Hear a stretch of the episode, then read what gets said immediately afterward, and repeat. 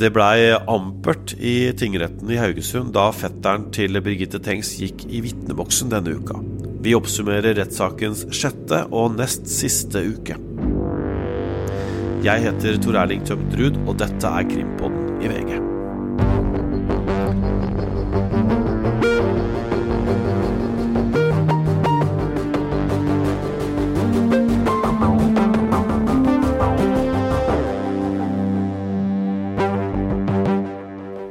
Onsdag kom fetteren til Birgitte Tengs til retten i Haugesund.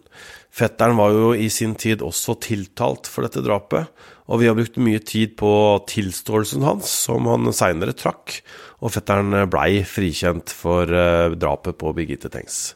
Reporter Anne Sofie Mengon Aasgard var til stede i retten da fetteren ankom. Fetteren er høy, lys i håret og rett i ryggen når han kommer inn i salen og på veien så møter han blikket til de oppmøtte. Til høyre for vitneboksen hvor fetteren sitter, så har Birgitte sine foreldre tatt plass.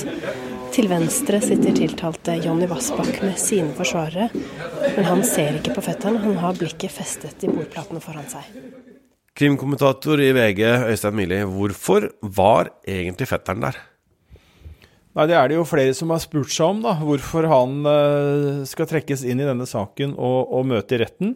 Det er jo forsvarerne til Jonny Vassbakk som, eh, som, hadde det ønsket. Um, Arvid Sjødin, advokaten til eh, fetteren, var jo veldig skeptisk og rasla jo med sablene i forrige uke og sa at han kanskje ikke kom til møte, men eh, fetteren sjøl, han møtte og sa jo bl.a. at han gjorde dette for sin avdøde kusine Birgitte. Og det første som skjedde da, var jo at han presenterte seg og ja, avga en, fors uh, en, forsikring som vanlig, og så, og så, fikk jo da forsvarerne ordet å, for å spørre ut fetteren og ja, spørre ut fetteren. Men det var vel ikke så mye til utspørring, for det de gjorde, var vel å lese opp disse gamle avhørene som vi har hørt mye om, og som vi har brukt mye tid på her i Krimpodden også. De avhørene som førte til at han kom med denne falske tilståelsen. Ja, og hvorfor eh, dette var uh, viktig, det, det, er jo eh, et åpent spørsmål. Um, det ble jo lest opp ganske mye, ganske lenge. Jeg tror man holdt på i ja, om det var med en pause imellom der, men jeg tror det var i bortimot to timer, eller om det var litt over to timer. Hvor disse gamle avhørene, som jo er oppspinn og manipulasjon fra ende til annen, Eh, fabrikkerte avhør eh, som er iscenesatt av politiet, og som vi har hørt Asbjørn Rachlew eh, klassifisere tidligere i rettssaken. Flere stussa jo på hvorfor forsvarerne likevel gjennomførte denne øvelsen.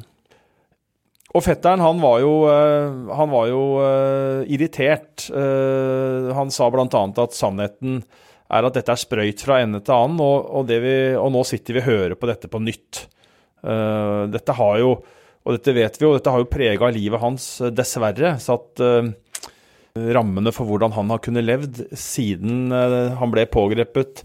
til tross for frifinnelsen i lagmannsretten, så ble han jo, som vi husker, holdt økonomisk ansvarlig for kusinas død gjennom denne dommen som påla ham å betale 100 000 kroner til foreldrene til Birgitte i, i oppreisning. Og den har jo hengt over han helt fram til vi, vi, kom eh, nå rett før rettssaken. I oktober så ble den oppheva. Slutten av oktober, var det vel. Så han har vært en uskyldig mann fra A til Å og har fått livet sitt uh, delvis ødelagt og, og prega av at han har blitt trukket inn i saken, og opplever da igjen at han må inn i saken når det sitter en helt annen mann uh, på tiltalebenken. Det ble jo også tilløp til amper stemning eh, mellom disse forsvarerne og fetteren. Han spurte jo bl.a.: Hvorfor er jeg her, og, og, hva er grunnen til dette, og vil dere egentlig vite noe fra meg? Eh, fikk han noen spørsmål? Nei, i grunnen ikke. Påtalemyndigheten ga jo klart uttrykk for at de ville jo ikke ha han der overhodet. Hadde ikke noe behov for å Mente ikke han hadde noe der å gjøre. Og fetteren eh, var eh, offensiv og lurte på hvorfor, hva som var hensikten. Om det var tåkelegging og hva forsvareren egentlig ville. Og det er vel et etterlatt inntrykk at dette var ikke noe det er et åpent spørsmål om dette var en, dette var en særlig vellykka forsvarerstrategi. Jeg syns ikke det. Ehm, jeg tror det er Jeg tror ikke man tjener noe på å, å, gjennomføre en sånn øvelse med en uskyldig mann. Og så får vi høre nå da hva forsvarerne vil med dette her. Om det er å så tvil rundt politiets arbeid og si at se her, politiet har jo tatt feil før, kan de ha gjort det igjen når det gjelder vår klient? Skal de på et eller annet vis forsøke å trekke ham inn i saken og, og så en slags tvil rundt at han er uskyldig? De har jo vært tydelige på at de Eh, anerkjenner eh, at han er en uskyldig mann, så det er kanskje ikke så sannsynlig. Men, men, man spør seg jo, da. Eh, man finner jo ikke noen helt sånn naturlig grunn til hvorfor de har ønska å få fetteren inn i retten, særlig ikke etter at det har vært så tydelig bevisføring knytta til han. Både det at man fikk denne erstatningsdommen oppheva, som jo var det siste si, barrieren for han, før han er helt uskyldig og helt ut av saken. Den var jo, forsvant jo før rettssaken. Det er det ene. Og så har man hørt Asbjørn Rachlew, som var veldig tydelig på hva disse avhørene er, eh, og hvordan de kom til. Og at man da likevel velger å trekke fetteren inn i retten og lese alle disse avhørene, det, ja, får, eh, det er et stort spørsmål hvorfor man gjør dette. Og så regner jeg med at forsvarerne kommer tilbake igjen i det til prosedyrene. De er jo allerede neste uke. Det er vel på tirsdag-onsdag, og vi skal jo eh, selvfølgelig følge dem, eh, Tor Erling. Men du har jo sett hundrevis av forsvarere i retten, og de har sine strategier. Har du vært borti noe lignende? Det er mange forsvarere opp gjennom årene som har gjort ting som uh, man kan lure på hensikten ved. Um, det er uh, det er jo sånn at man skal jo da, eh, som forsvarer, så leter man etter eh, all tvil og alle argumenter som kan finnes for at klienten er uskyldig. Det er forsvarerens jobb, og det er en viktig jobb, det må vi jo ikke glemme. Det å ha et aktivt forsvar som øh, gjør den jobben, det er viktig. Og det har vi jo sett viktigheten av nå i, i flere saker denne høsten, ikke minst. Men det er den balansegangen da, mellom hva som er eh, greit og kanskje på grensen til å være ugreit. Og det har jo hendt opp gjennom årene at forsvarere har gjort ting som har blitt sett på som ugreit. Og så får vi jo vente med å trekke konklusjoner om, om uh, dette med fetteren. fordi at som jeg sier, vi har ikke helt fått tak i hva forsvarerne egentlig vil med dette her. Uh, de hadde knapt spørsmål til han, og har for så vidt ikke sagt noe uh, annet enn at de har vært tydelige på at han er uskyldig, at de betrakter han som uskyldig og respekterer det. Så det er jo viktig å understreke da når man snakker om at de har tatt han inn i retten, at, at det er ikke noe sånn at forsvarerne har sådd noen mistanke eller noe tvil rundt uskylden hans. Men uh, hva de faktisk vil med, eller ville med denne seansen i uka som gikk, det, det håper jeg vi får svar på på onsdag, uh, for det er jo da forsvarerne skal holde sin prosedyre. Men uh, påtalemyndigheten var iallfall veldig klar på at uh, de hadde ikke noen uh, mistanke mot fetteren nå, og de hadde heller ikke noen spørsmål til han nå. Nei, de hadde ingen spørsmål, og de sa jo at de, de ikke forsto helt Ga uttrykk for at de ikke forsto helt hvorfor han var der, og at tilståelsen var en oppdikta historie fra politiets side. og det er jo knallhard dom og en helt riktig dom, men det er jo en knallhard dom, og det er spesielt å høre et aktorat måtte sitte i retten og si at det som har vært en tilståelse, det som har vært grunnlaget for denne dommen som ble avsagt den gangen, og som jeg har vært inne på, ble hengende ved fetteren eh, helt fram til eh, rettssaken mot Jonny Vassbakk begynte, det eh, kaller påtalemyndigheten en, en oppdiktet historie fra politiets side. Det er ord jeg aldri har hørt før, tror jeg. Veit vi om det noen gang var kontakt på Karmøy mellom Vassbakk og fetteren? Nei, I retten så sa jo fetteren at han så vidt han visste aldri hadde møtt eh, tiltalte. da, og Det var det siste han sa før han forlot retten. og så eh, kan han selvfølgelig ikke garantere at man ikke har møtt hverandre. Det er jo et, eh, ja, det er jo et forholdsvis lite eh, samfunn, selv om det, det, ikke er så lite heller. Men, eh, men, det er klart at eh, man har i hvert fall ikke ingen opplysninger om at det er noen noen eh, i, i, ja, det, I så fall, om de har møtt hverandre, så er det et høyst, høyst, høyst tilfeldig møte, men det kunne altså da ikke fetteren uh, huske, eller uh, hadde ingen erindring om det. Reporter Anne Sofie Mengon Aasgaard spurte forsvarer Stian Bråstein om hvorfor de hadde kalt inn fetteren. Vi fikk belyst hva historie politiet ønska gjennom han å plassere i saken den gang i 1997. med vi tenker det belyser hvordan politiet vurderte åsted, spor, hendelsesforløp osv. Og at det kom, kom til uttrykk eh, eh, gjennom hans forklaring, eh, sånn som Raklev beskrev det. Men hvorfor kalte dere han inn? Hva var årsaken? Ja, Systemet vårt er sånn at vi kan ikke bare lese opp forklaringer uten at vedkommende er til stede. Så eh, det var ikke viktig for oss at han var her, men det er et krav han har. Eh, og som vi tok opp eh, via hans forsvarer på et nokså tidlig tidspunkt, om han ønska å være til stede eller ei. Så ble det litt amper stemning. Gikk dere for langt? Jeg er uenig i at det ble amper stemning, eh, og at dette er følelsesladet vanskelig for han, og at vi setter han i en fryktelig vanskelig situasjon. Eh, rører ved svært såre ting. Det har vi stor forståelse for. Men det, her var det altså fetteren tilbake inn i retten, og i retten så satt også foreldrene til eh, Birgitte Tengs. De har ikke møtt ham eh, siden han ble først dømt og så frikjent i lagmannsretten for mange, mange år siden. Eh, hva kan du si om det møtet de hadde nå? Her er det jo foreligger det jo dypt, dypt tragiske omstendigheter. Eh, fordi at nå har vi snakka mye om det juridiske her, og fetterens kamp for å få den erstatningsdommen eh, bort etter at han da ble, ble dømt og så frikjent, eh, strafferettslig sett. Men, men, eh, dette handler jo om en storfamilie, det handler om mennesker, og det handler om brutte relasjoner. Og det handler om isfront. Og det er, det er jo en av de kostnadene dette justismordet mot fetteren har brakt med seg.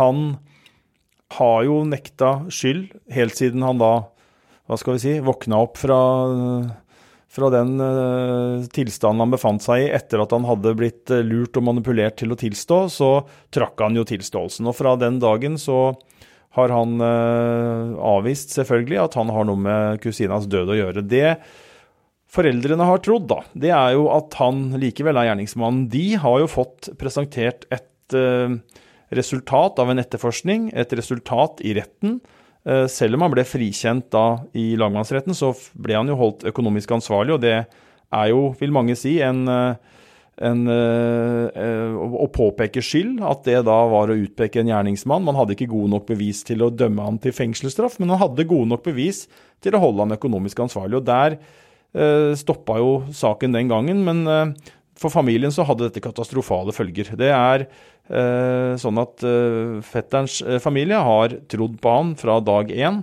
Eh, Birgittes foreldre har trodd på politiet og påtalemyndigheten, domstolen, fra dag én. Og eh, gjennom årene så har dette ført til en isfront. Man snakker ikke med hverandre. og eh, har jo selvfølgelig skapt ondt blod i denne familien.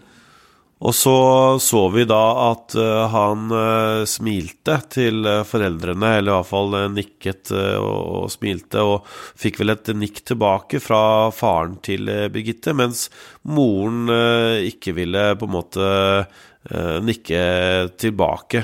hva sier det deg? Nei, vi har jo lest uh, intervju i Nettavisen hvor uh, bistandsadvokat Erik Lea utdyper uh, situasjonen, og han sier jo at Eh, det er litt delte oppfatninger mellom foreldrene. Faren eh, til Birgitte Tengs er eh, mer åpen for at han kan ha tatt feil, og at Jonny Vassbakk kan være, og jeg sier kan med store bokstaver, fordi at vi skal selvfølgelig ikke forhåndsdømme noen. Vassbakk er uskyldig inntil det motsatte eventuelt blir bevist. Men nå har jo da i hvert fall foreldrene fått presentert en ny kandidat fra påtalemyndigheten. og og faren er eh, åpen for at, for at det kan være eh, løsningen på, på denne eh, fortvilende drapsgåten. Moren til Birgitte er fortsatt, har fortsatt trøbbel med å slippe den fasiten som hun har fått servert tidligere. Og så er det jo sånn at tid og tankevirksomhet og mm, refleksjoner, det vet man aldri helt hvor, eh, hvor fører eh, hen, og hva som vil bli situasjonen her fremover. Det, det, er, eh, det, blir bare synsing og spekulasjoner, og det skal vi ikke holde på med. Men, men det er klart at man så jo man så jo det uttrykket altså Man fikk jo se det som jeg snakka om akkurat i stad, i, i, retten, da, at det var ikke akkurat hjertelig stemning mellom, mellom da fetteren og foreldrene, selv om heldigvis at det ble da et nikk på vei ut. Men dette er jo dette er jo da, som jeg var inne på, noe av det katastrofale den saken her har ført med seg. At, at denne familien er revet fra hverandre. I denne oppsummeringen da, har vi brukt mest tid på å snakke om eh, fetterens eh, opptreden i vitneboksen denne uka, men det har også vært ført uh, vitner som har bl.a. snakka om andre personer som enten har vært moduskandidater, eller som har vært tipsa om da, i denne saken her. Blant annet så vitna en sosialarbeider som en gang i tida hadde en klient som hadde fått Eller hadde snakka med en kar som, som hadde innrømma dette drapet. Denne mannen som hadde innrømma det, han, han, er nå død. Men hvorfor føres slike vitner i rettssaken nå? Ja, Det er for å så tvil, og det er for å peke på at det nødvendigvis ikke er så svart-hvitt som påtalemyndigheten mener at det er. Uh, og det er jo ikke noe tvil om at politiet har jo også i denne etterforskningsfasen hatt flere kandidater på lista si. Det har vi jo både visst og hørt. Og så har jo den lista blitt endra da, etter at man fant dette DNA-beviset, altså dette DNA-sporet fra Vassbakk på strømpebuksa til Birgitte, som påtalemyndigheten mener er et, uh, et, fellende bevis, et svært sterkt bevis, så har jo de andre kandidatene blitt strøket av denne lista, som de, en arbeidsliste, hvis vi kan kalle det det, som, som politiet hadde. Ehm, og festa jo da ikke lenger lit til eh, de andre kandidatene, fordi at man hadde bevis, mente man, mot eh, han som eh, kanskje sto på toppen, til og med, det vet jeg ikke, men han har i hvert fall vært høyt oppe på lista, nemlig Jonny Vassbakk. Og disse andre kandidatene har jo ikke ført frem til noe det, det, har ikke vært noe, Man har ikke funnet noe som tyder på at de har noe med dette å gjøre. De har vært navn uh, som har kommet opp fordi at enten har en historikk som har vært interessant, eller at det er vitner som har hatt opplevelser eller nevnt det i andre grunner, og derfor så blir de sett på. Det er jo helt naturlig i en etterforskning. Det er ikke sånn at fordi at man har sett på andre kandidater, så kan man ikke trekke ut av det at det betyr at politiet er usikker eller har en dårlig sak. Tvert om. Det er en del av en, eh, en skikkelig ordentlig etterforskning. Det er å uh, ikke låse seg, som vi jo vet at man har gjort i andre sammenhenger, men holde flere kandidater, flere hypoteser, flere muligheter åpnet, til man finner bevis som man mener er så gode at man kan utelukke alle unntatt én, som de har gjort eh, da i dette tilfellet. Hmm. Neste uke så er det den siste rettsuka i eh, denne hovedforhandlingen, som det heter, mot uh, Jonny Vassbakk. Og dommen kommer jo da på, på nyåret en, en annen gang. Men neste uke så er det prosedyrer. Og da er det på en måte påtalemyndigheten og forsvarerne som skal oppsummere uh, rettssaken på hver sin måte. Men, men hva slags forventninger har du til disse prosedyrene, Øystein? Ehm, nei, det er jo eh, spennende det. fordi at da vil man jo for det første få svar på om påtalemyndigheten står fast ved at eh, de har en god sak. Eh, om de står fast ved at Jonny Vassbakk skal dømmes. Det er jo Jeg tror ikke det er så veldig mye overraskelser i vente, men rent sånn jeg, jeg tror de kommer til å stå fast på det. Jeg tror ikke det har kommet noe opp under rettssaken som gjør at at de er en annen oppfatning, men, men systemet er nå sånn da, at påtalemyndigheten har, har plikt på seg til å til å vurdere da etter hovedforhandling, altså bevisførselen, eh, om man skal nedlegge en påstand om straff. Og Det tror jeg man kommer til å gjøre, og da er det spennende å se hva slags straff politiet mener eh, Vassbakk skal ha. Og, og, det er jo alltid interessant å høre hvordan påtalemyndigheten oppsummerer alle de bevisene som vi har hørt, og, og hvordan man mener at de skal kunne tolkes og leses av retten. Og så er det like interessant å høre på forsvarerne. Vi har vært inne på litt av hva de har eh, brakt frem nå her i dag. Og eh, ja, hva har de å komme med? Hva mener de kan ha skjedd? Og hvilke argumenter fremfører de for at Jonny Vassbakk skal frifinnes? Så det er jo en viktige dager i retten som blir veldig spennende og interessante å, følge med på, og som blir da en avslutning av saken i denne runden. Og så kan vi jo legge til allerede nå at uh, som du sier, Tor Erling, det kommer jo en dom uh, utpå nyåret, og så er det jo allerede forhåndsberamma en ankesak i uh, slutten av 2023 som skal gå i Stavanger i så fall. og Sånn som denne saken ligger an nå, med en mann som nekter skyld, og påtalemyndigheten som mener at de har eh, veldig god bevis, eh, fellende bevis mot han, så kommer denne saken sannsynligvis til å komme opp på nytt igjen eh, før vi får et endelig svar. Eh, disse prosedyrene, som det heter, da, de eh, sender vi også direkte på VGTV? Ja, prosedyrene kan man følge både tirsdag og onsdag på VGTV. Og vi kommer jo også til å dekke det her i Krimpodden, så det er bare å, bare å henge på. Denne episoden er laga av Ruth Einevold Nilsen og Anne Sofie Mengon Aasgard. Øystein Millie var med. Vilde Våren er vår produsent, og jeg heter Tor Erling Tømterud.